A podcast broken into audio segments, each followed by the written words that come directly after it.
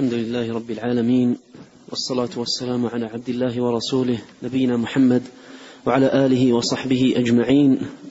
أما بعد فيقول شيخ الإسلام ابن تيمية رحمه الله تعالى في الفتوى الحموية الكبرى وروى الأثرم في السنة وأبو عبد الله بن بطة في الإبانة وأبو عمر الطلمنكي وغيرهم بإسناد صحيح عن عبد الله عن عبد العزيز بن عبد الله بن أبي سلمة الماجشون وهو أحد أئمة المدينة الثلاثة الذين هم مالك بن أنس وابن الماجشون وابن أبي ذئب.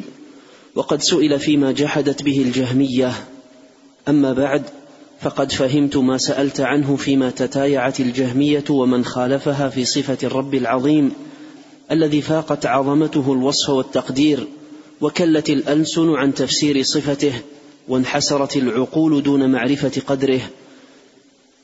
ردت عظمته العقول فلم تجد مساغا فرجعت خاسئة وهي حسيرة وإنما أمروا بالنظر والتفكر فيما خلق بالتقدير وإنما يقال كيف لمن لم يكن ثم كان.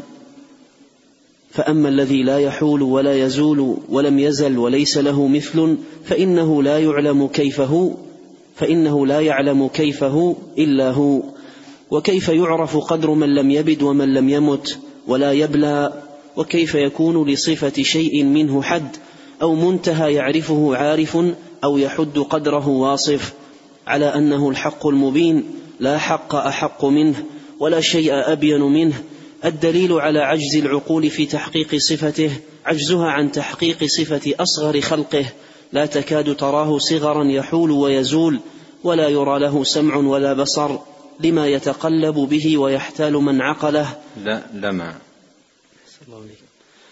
لما يتقلب به ويحتال من عقله. من عقله. من عقله. من عقله. أحسن الله عليك أعضل بك وأخفى عليك مما ظهر من, من سمعه وبصره. فتبارك الله أحسن الخالقين. وخالقهم وسيد السادات وربهم. ليس كمثله شيء وهو السميع البصير. نعم بسم الله الرحمن الرحيم. الحمد لله رب العالمين وأشهد أن لا إله إلا الله وحده لا شريك له وأشهد أن محمدا عبده ورسوله صلى الله وسلم عليه وعلى آله وأصحابه أجمعين. اللهم علمنا ما ينفعنا وانفعنا بما علمتنا وزدنا علما. اللهم أصلح لنا شأننا كله ولا تكلنا إلى أنفسنا طرفة عين. أما بعد هذا أثر عظيم جدا نقله شيخ الإسلام رحمه الله تعالى عن الإمام عبد العزيز بن عبد الله بن أبي سلمة الماجشون وأحد أئمة المدينة الثلاثة الذين هم مالك بن أنس وابن الماجشون وابن أبي ذئب.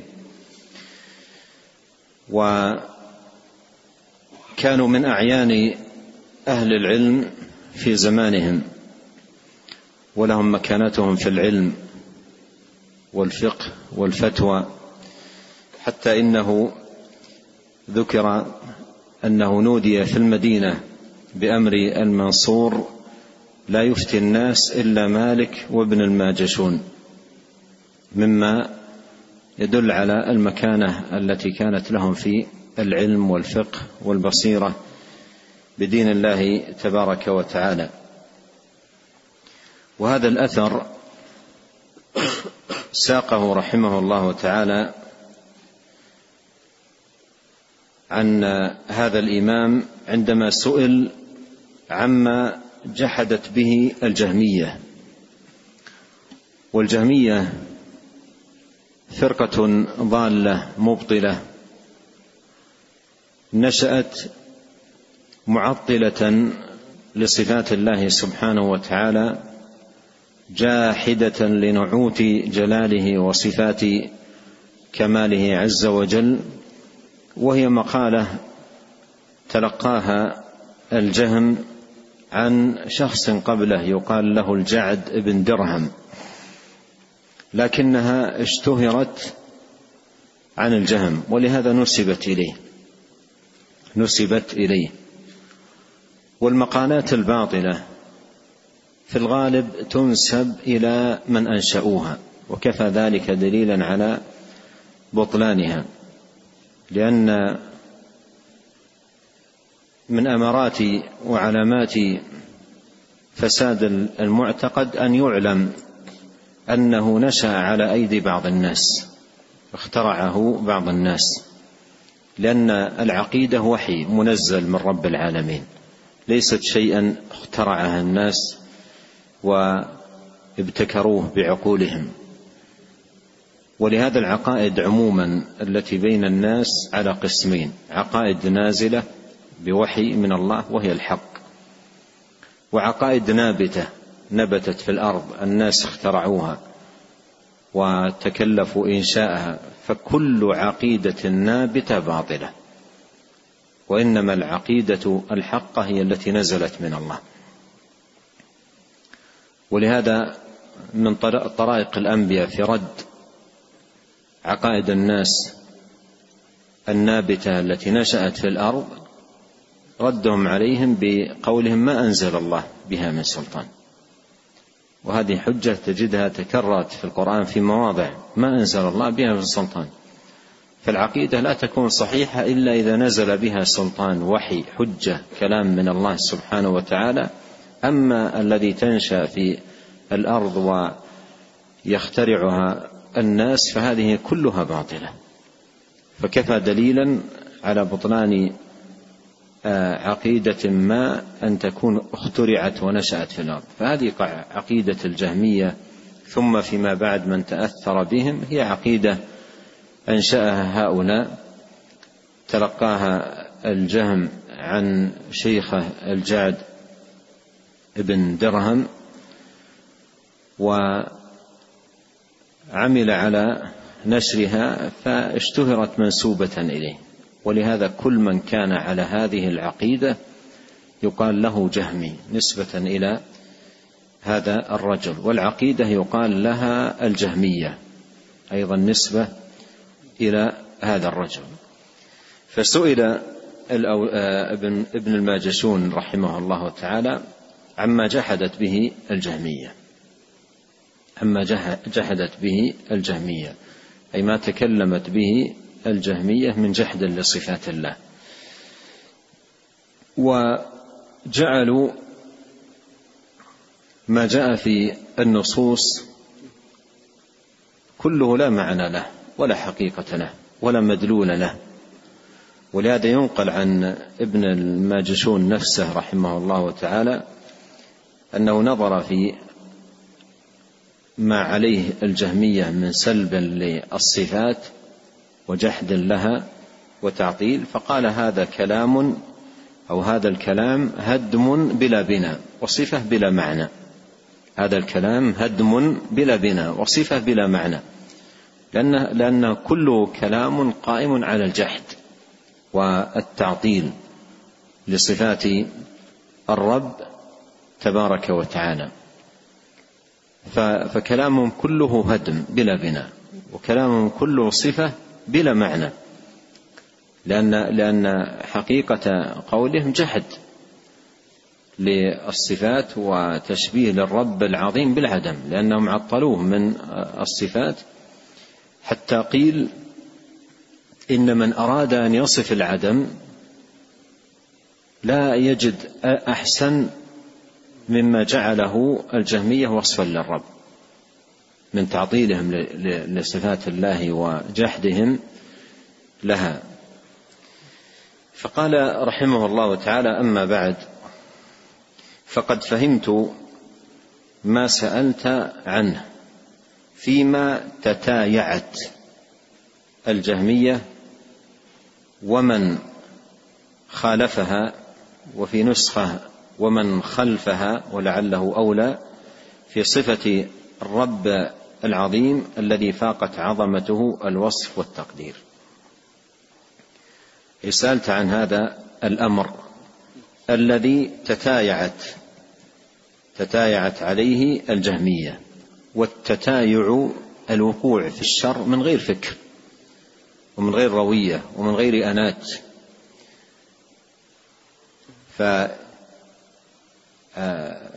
هذا الذي تتايعت أي ركبته الجهمية ومن لف لفهم وسار سيرهم وركبوا هذا المركب مركب الشر والضلال والباطل بدون روية وبدون فكر. ومن خلفها ومن خلفها أي من جاء بعدهم متأثرا بهم. ومن جاء بعدهم متأثرا بهم قائلا بقولهم سالكا مسلكهم في صفة الرب أي تسأل عن قولهم في صفة الرب. وقول الجهمية في صفة الرب هو التعطيل مثل ما وصف رحمه الله هدم بلا بنا ووصف بلا معنى. في صفة الرب العظيم الذي فاقت عظمته الوصف. فاقت عظمته الوصف.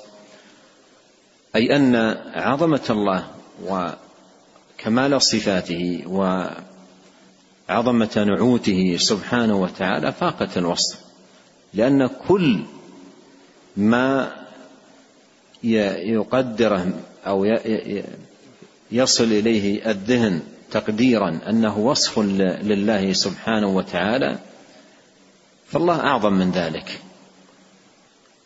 الله أعظم من ذلك. فهو عز وجل أعظم وأكبر وأجل من كل ما يخطر في بال الإنسان أو يدور في في في خياله. وكل ما يدور في في بال الإنسان يظنه وصفا لله فالله أعظم من ذلك وأجل سبحانه وتعالى.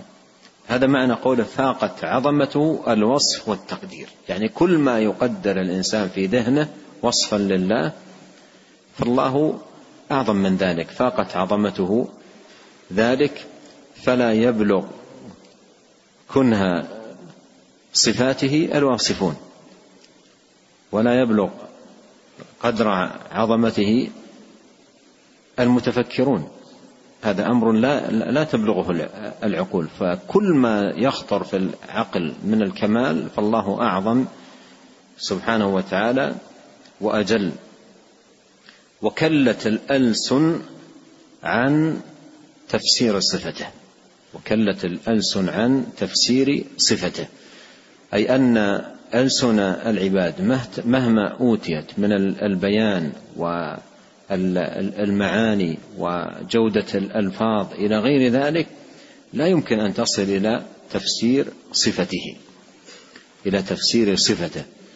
والمراد بتفسير الصفة أي حقيقة الصفة وكنها أي حقيقة الصفة وكنها لا يمكن للألسن مهما أوتيت من البيان والمعاني لا يمكن أن تصل إلى تفسير صفته أي كنه صفة الله سبحانه وتعالى.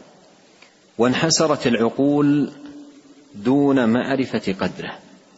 وانحسرت العقول أي أن العقول يضيق آه، آه، يضيق الأمر بها بحيث كل عقل لا يمكن أن أن يصل إلى معرفة قدر الله سبحانه وتعالى لأن كل ما يبلغه العقل من أمر يظنه هو قدر الله فقدر الله أعظم وأجل. فقدر الله عز وجل أعظم وأجل. ودائما في هذا المقام أقول يكفي في ذلك قول المسلم الله أكبر. قول المسلم الله أكبر. فهذه الكلمة كافية في, في, في بيان عجز العقول وضعفها عن ذلك. لأن الله أكبر من كل شيء. الله جل وعلا أكبر من كل شيء. ومن ذلكم أكبر مما يخطر في بالك. تظنه وصفا لله أو أو قدرا لله. فالله أكبر سبحانه وتعالى من كل شيء.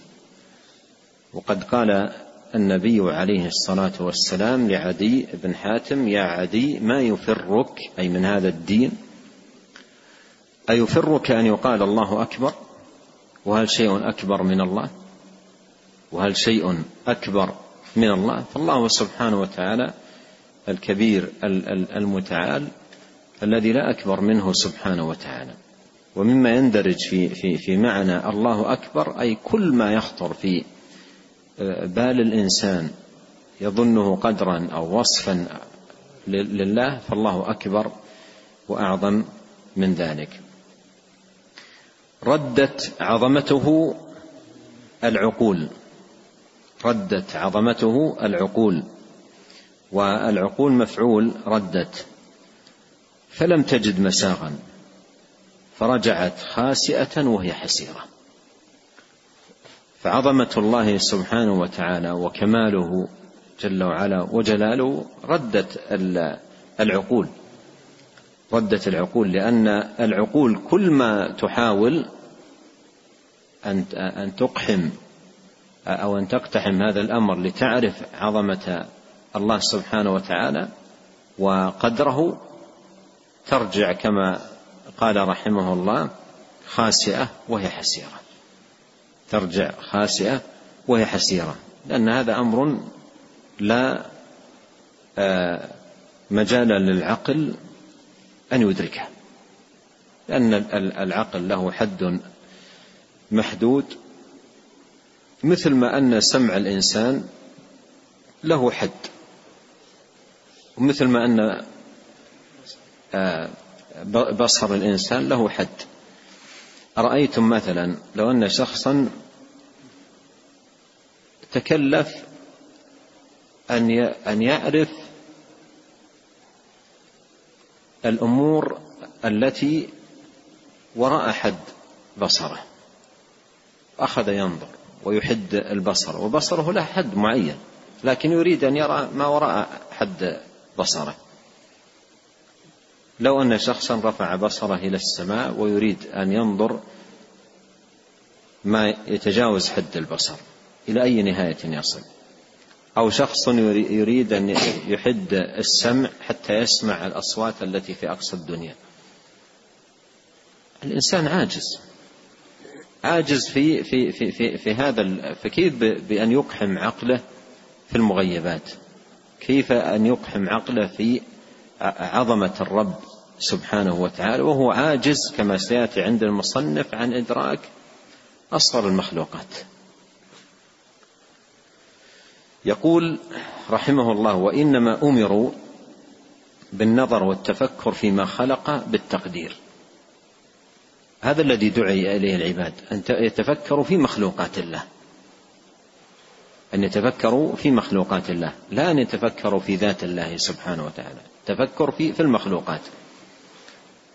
إن في خلق السماوات والأرض إن في خلق السماوات والأرض واختلاف الليل والنهار لآيات لأولي الألباب. الذين يذكرون الله قياما وقعودا وعلى جنوبهم ويتفكرون في خلق السماوات والأرض ربنا ما خلقت هذا باطلا سبحانك. فدعوا إلى التفكر في هذه المخلوقات.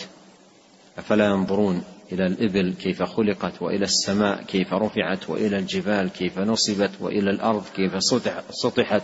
يتفكر في هذه المخلوقات الدالة على عظمة من خلقها سبحانه وتعالى. قال وإنما يقال كيف لمن لم يكن ثم كان. هذا الذي هذا الذي يسأل عنه. بمثل هذا السؤال. لمن لم يكن ثم كان. يعني هذا المخلوق. أما الرب سبحانه وتعالى فإن السؤال عنه بكيف سؤال باطل. ومر معنا قول الإمام مالك رحمه الله والكيف غير معقول. والسؤال عنه بدعة. هذا السؤال باطل محرم. ومن سأل هذا السؤال وحاول أن يعرف جوابه إنما يبحث عن أمر لا مجال له أن يصل إليه ولا قدرة له ان ان, أن يعرفه. هذا السؤال باطل محرم. قال وإنما يقال كيف لمن لم يكن ثم كان. فأما الذي لا يحول سبحانه وتعالى ولا يزول أي هو دائم وباقي جل وعلا ولم يزل وليس له مثل فإنه لا يعلم كيف هو إلا هو فإنه لا يعلم كيف هو إلا هو وكيف يعرف وكيف يعرف قدر من لم يبدأ ومن لم يمت من لم يبدأ ومن لم يمت. ومعنى لم يبدأ أي الأول الذي ليس قبله شيء. الذي ليس لأوليته بداية. وليس لآخريته نهاية.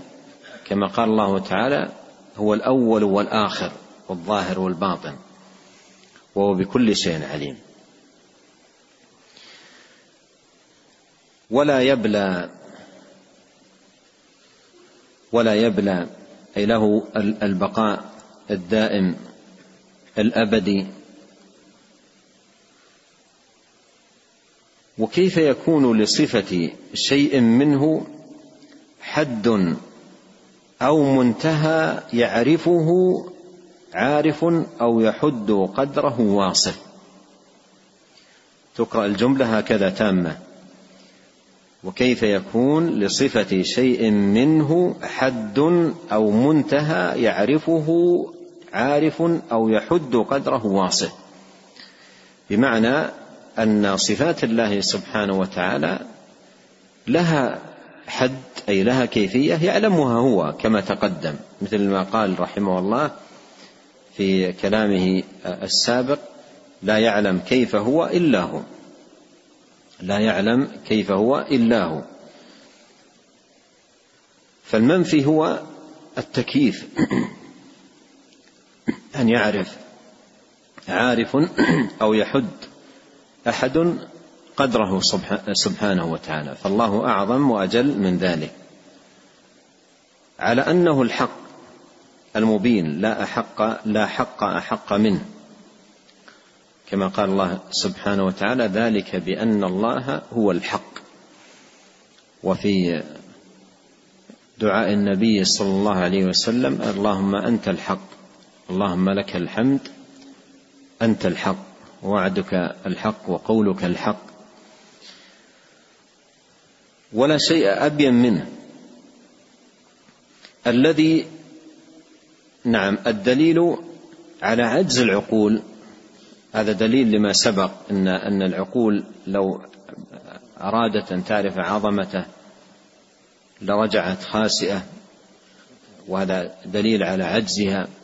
يقول الدليل على عجز العقول عن تحقيق صفته أي بلوغ كنها صفته وإدراك كنها صفته عجزها عن تحقيق صفة أصغر خلقه. الصار خلقه. يعني مثل الذرة والنملة والحشرات الصغيرة. العقول عاجزة عن أن تدرك هذه الكائنات المخلوقات الصغيرة. عاجزة عن ذلك. يقول عجزها عن تحقيق صفة أصغر خلقه. لا, لا تكاد تراه صغرا. هذا المخلوق لا تكاد تراه من صغره صغرا. يحول ويزول يتحرك ويتنقل ويأتي بأمور أموره بإتقان هداه الله سبحانه وتعالى الذي أعطى كل شيء خلقه ثم هدى تراه صغرا يحول ويزول ولا يرى له سمع ولا بصر.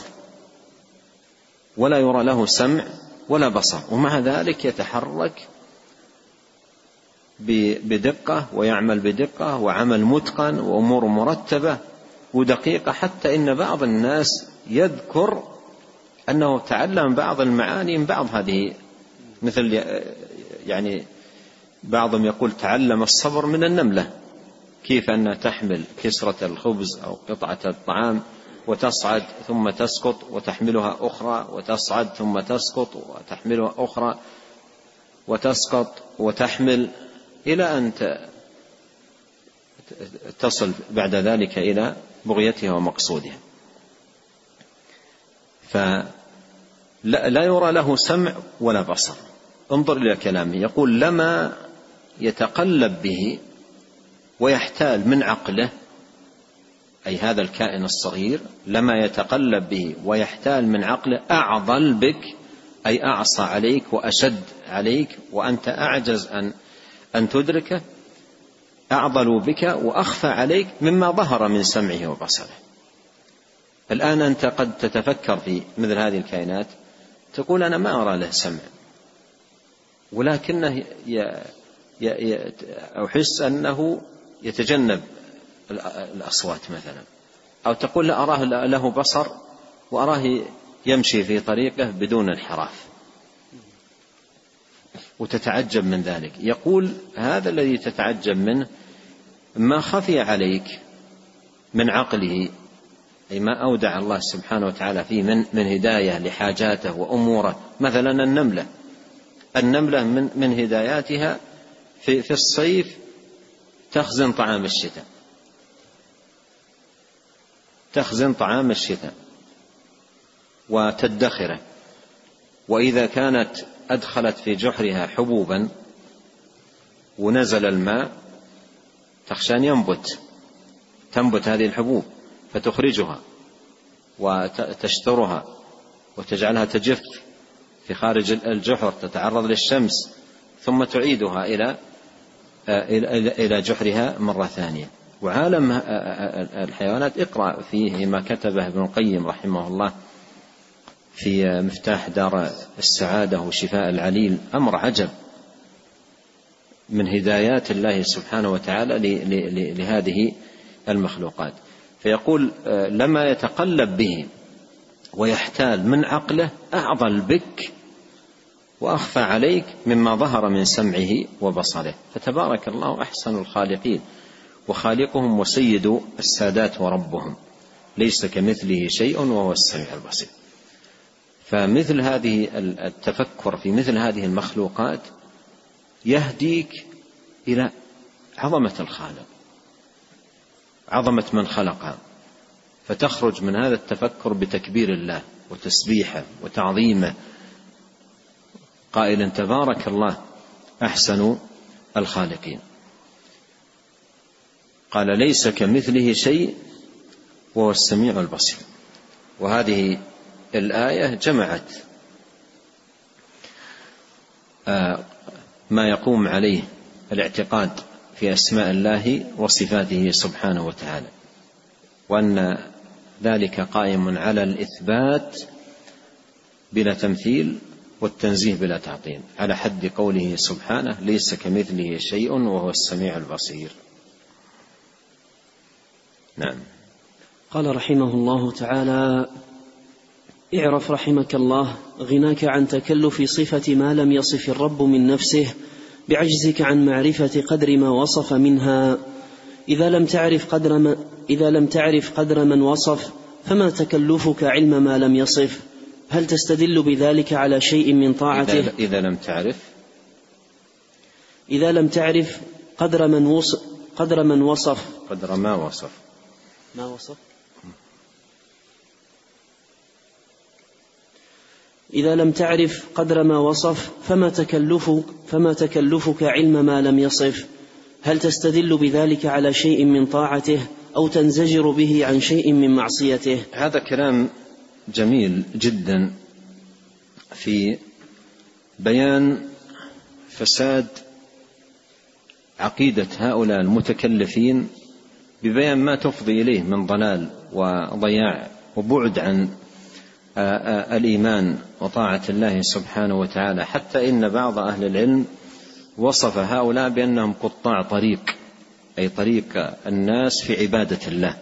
لأن اشتغال الإنسان بهذه الصفات صفات الله تعطيلا وجحدا من العواقب الوخيمة التي تترتب عليه انحرافه في باب العبادة والسلوك والأخلاق. وهذا من شؤم المعتقد الفاسد من شؤم المعتقد الفاسد. ولهذا يقول اعرف رحمك الله غناك عن تكلف صفة صفة ما لم يصف الرب من نفسه. بعجزك عن معرفة قدر ما وصف منها. بعجزك عن معرفة قدر ما وصف منها. ما وصف منها أي الصفات التي ذكرها الله سبحانه وتعالى في كتابه وذكرها رسوله عليه الصلاة والسلام في سنته أنت عاجز عن أن تدرك كيفيتها. عاجز عن أن تدرك كيفيتها. فهذا العجز عن إدراك كيفية هذا الذي وصفه الله في كتابه. من باب أولى أن تكون أعجز عن إدراك ما لم يصف. عن إدراك ما لم يصف. والله سبحانه وتعالى لم يذكر في كتابه كل أسمائه. لم يذكر كل أسمائه المشتملة على صفاته ونعوته. منها ما استأثر الله بعلمه. فالعبد عاجز عن إدراك ما وصف وذكر. فكيف بما لم يذكر؟ لا شك أن الأمر في ذلك أمر العبد في ذلك أعجز إذا لم تعرف قدر ما وصف فما تكلفك علم ما لم يصف؟ إذا كنت عاجز عن أن تدرك كيفية الصفات التي وصفها فلماذا تقحم نفسك في علم ما لم يصف؟ وتتكلف علم ما لم يصف. ثم يقول هل تستدل بذلك على شيء من طاعته؟ أو أن تنزجر به عن شيء من معصيته؟ هل خوضك في هذا الباب أمر يفضي بك إلى عناية بعبادة الله وانزجار عن معاصي الله سبحانه وتعالى. لا والله. ولهذا الجهمية ومن سار سيرهم عقيدتهم الباطلة لم لم تسقهم إلى عناية بالعبادة ولم تسقهم إلى بعد عن المنكرات وعظائم الذنوب. بل جعلتهم يوغلون في الضلال والفجور والمعاصي. ومن يقرأ أخبار هؤلاء يجد من ذلك عجبا في بعدهم عن العبادة وإعراضهم عن الطاعة ووقوعهم في وهذا كله من شؤم الاعتقاد. كله من شؤم الاعتقاد. قال هل تستدل بذلك على شيء من طاعته؟ أو تنزجر به عن شيء من معصيته؟ وهذا معناه أن هذا الخوض الباطل في صفات الله سبحانه وتعالى لا يفضي بالإنسان إلا, إلا إلى الضياع والانحراف عن عبادة الله سبحانه وتعالى وطاعته بل ويوقع في, في ويوقعه في ارتكاب الآثام والمحرمات. نعم. قال رحمه الله تعالى فأما الذي جحد ما وصف الرب من نفسه تعمقا وتكلفا فقد استهوته الشياطين في الأرض حيران فصار يستدل بزعمه على جحد ما وصف الرب وسمى من نفسه بأن قال لا بد إن كان له كذا من أن يكون له كذا فعمي عن البين بالخفي وجحد ما سمى الرب من نفسه بصمت الرب عما لم يسم منها. فلم يزل يملي له الشيطان حتى جحد قول الرب عز وجل وجوه يومئذ ناظرة إلى ربها ناظرة فقال لا يراه أحد يوم القيامة فجحد والله أفضل كرامة الله التي أكرم بها أولياءه يوم القيامة من النظر إلى وجهه ونظرتهم ونظرته إياهم في مقعد صدق عند مليك مقتدر. وقد قضى أنهم لا يموتون فهم بالنظر إليه ينظرون. نعم. إلى أن قال نعم. قال رحمه الله فأما الذي جحد ما وصف الرب من نفسه تعمقا وتكلفا. الذي جحد ما وصف الرب من نفسه تعمقا وتكلفا. أي هؤلاء الجهمية الذين جحدوا صفات الرب تبارك وتعالى وتكلفوا جحدها بفلسفات عقلية ومقدمات منطقية وأمور تكلفوها بعقولهم ووصلوا من خلالها إلى جحد صفات الرب سبحانه وتعالى والتكذيب بها. يقول هؤلاء الحقيقة أنهم استهوتهم الشياطين. استهوتهم الشياطين في الأرض حيران. أي استملتهم وجذبتهم إلى آه، هذا آه، الركام من الباطل والضلال فأصبح مآل أمرهم باستهواء الشياطين الحيرة والشك والاضطراب. فصار يستدل بزعمه على جحد ما وصف الرب وسمى من نفسه بأن قال يعني انظر الدليل الذي يقوم عليه معتقد الجهمية لا بد إن كان له كذا من أن يكون له كذا. لا بد إن كان له كذا من أن يكون له كذا. هذا دليل الجهمية. هذا ملخص دليل الجهمية في عامة ما يجحدون من صفات الرب. هذا هذا هذا دليله. انظر الفرقان بين ما يقوم عليه معتقد الجهمية وبين ما تقوم عليه عقيدة أهل السنة.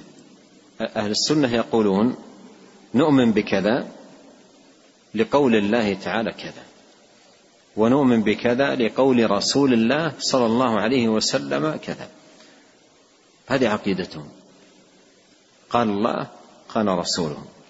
مثل ما قال الإمام أحمد رحمه الله نصف الله بما وصف به نفسه وبما وصفه به رسوله صلى الله عليه وسلم لا نتجاوز القرآن والحديث لا نتجاوز القرآن والحديث والأوزاعي رحمه الله يقول ندور مع السنة حيث دارت أي نفيا وإثباتا. ما ثبت بالكتاب والسنة أثبتناه وما نفي في الكتاب والسنة نفيناه. لا نتجاوز كتاب الله والسنة نبيا أما هؤلاء أعرضوا عن الكتاب والسنة تماما وأعملوا عقولهم القاصرة. والدليل عندهم هو هذا. في كل ما ينكرون من صفات الله لا بد إن كان له كذا من أن يكون له كذا. فهذا هو خلاصة دليلهم لا بد إن كان له كذا يعني مثلا مثلا لا بد إن كان مستويا على العرش حقيقة أن يكون محتاج إلى العرش.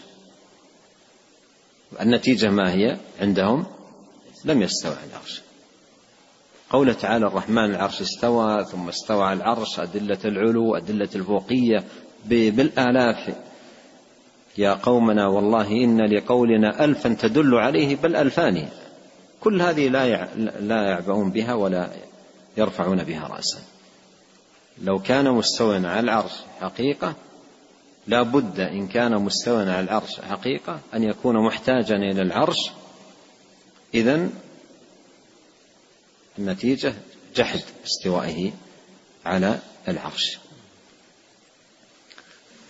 وهؤلاء بهذه المقدمات خلطوا بين اللوازم. هذا أمر لا بد أن يعرف. خلطوا بين ما يلزم صفة المخلوق وبين ما يلزم صفة الخالق لأن صفة الخالق يلزمها الكمال وصفة المخلوق يلزمها النقص.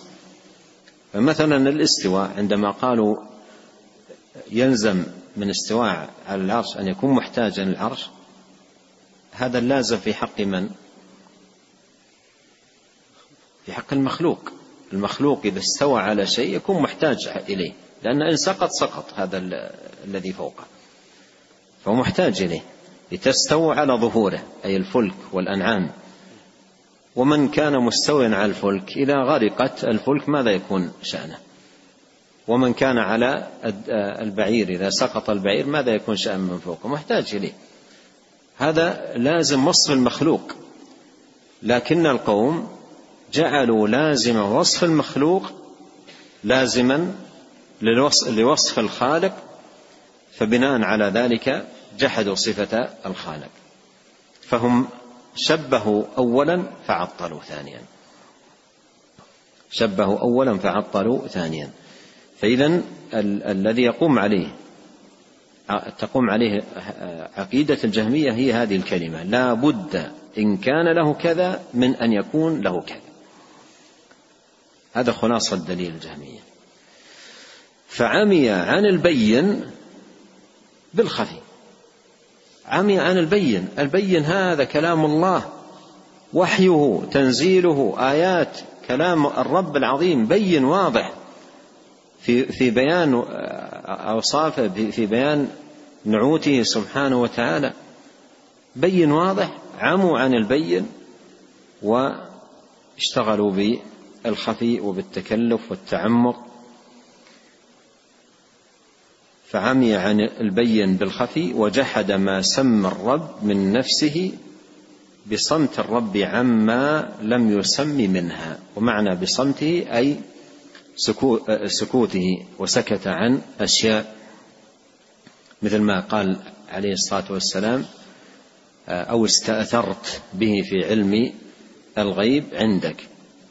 فلم يزل يملي له الشيطان حتى جحد قول الرب عز وجل وجوه يومئذ ناظرة إلى ربها ناظرة. جحد بلغ به الأمر وتمادى به الشيطان حتى جحد قول الله عز وجل وجوه يومئذ ناظرة من النضره وهو البهاء والحسن والجمال إلى ربها ناظرة. قال الحسن حق لها أن تنظر أي أن تكون ناظرة حسنة بهية وهي تنظر إلى الله سبحانه وتعالى. وهذا أكمل نعيم يناله أهل الجنة. نسأل الله الكريم من فضله. فقال لا يراه أحد يوم القيامة. فقال لا يراه أحد يوم القيامة. وهذه مقولة الجهمية. الجهمية من عقائدهم أن الله لا يرى يوم القيامة. لا يراه أحد يوم القيامة. فجحد والله أفضل كرامه جحد أي الجهمي ومن اعتقد هذه العقيدة أفضل كرامة الله التي أكرم بها أولياءه يوم القيامة. وفي صحيح مسلم عن نبينا صلى الله عليه وسلم أنه قال إذا دخل أهل الجنه الجنة قال الله تعالى هل تريدون شيئا أزيدكم؟ فيقولون ألم تبيض وجوهنا؟ ألم تنجنا من النار؟ ألم تدخلنا الجنة؟ قال فيكشف الحجاب فينظرون إلى الله سبحانه وتعالى فما أعطوا شيئا أحب إليهم من النظر إلى الله. هذه أعظم كرامة.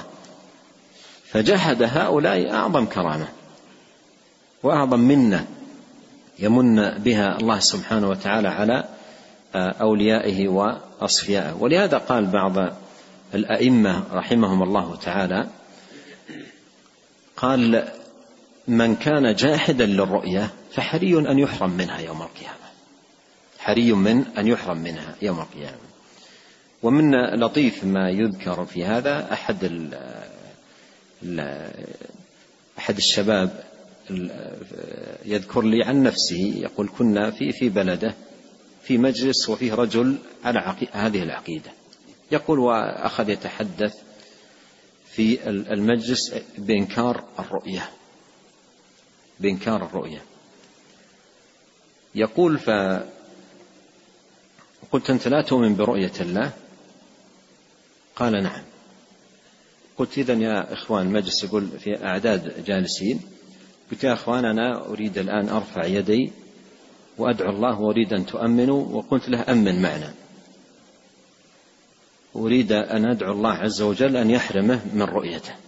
أمنوا يا أخوان. قال لا لا تدعو قلت أنت أصلا لا تؤمن بالرؤية. أنت أصلا لا تؤمن بهذا. هذا شيء أنت لا تؤمن به. فدعنا ندعو أن أن يحرمك الله من هذا. يقول فأبى. أبى أن أدعو بذلك.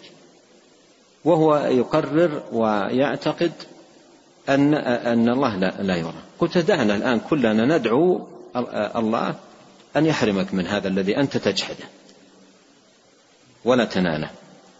ورفعت يدي قلت يلا يا أخوان ندعو. فأصر علي ألا أدعو. يقول فكانت هذه كافية لمن عنده من العوام بإدراك فساد هذه العقيدة. لأن لو كانت عقيدة آه، لو كانت عقيدة فعلا ما ضره. مثلا يعني عقيدة المؤمن في الجنة وفي, النار وغير ذلك من العقائد. الدعاء بها هي منيته وبغيته.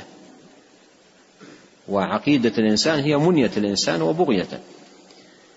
فالشاهد أن بلغ بهم الأمر إلى جحد هذه الكرامة العظيمة والمنة الجليلة التي هي منة الله على أوليائه يوم القيامة من نظر إلى وجهه. في الدعاء الماثور اللهم إني أسألك لذة النظر إلى وجهك والشوق إلى لقائك في غير ضراء مضرة ولا فتنة مضلة. من النظر إلى وجهه ونظرتهم ونظرته إياهم في مقعد صدق عند مليك مقتدر. وقد قضى أنهم لا يموتون أي يبقون في الجنة أبد الآباد مخلدين فيها فهم بالنظر إليه ينظرون. يعني يتمتعون بالنظر إلى الله سبحانه وتعالى في أعظم كرامة وأجل عطية ومنة. ونكتفي بهذا ونسأل الله الكريم أن ينفعنا أجمعين بما علمنا وأن يزيدنا علما وأن يصلح لنا شأننا كله وأن لا يكلنا إلى أنفسنا طرفة عين.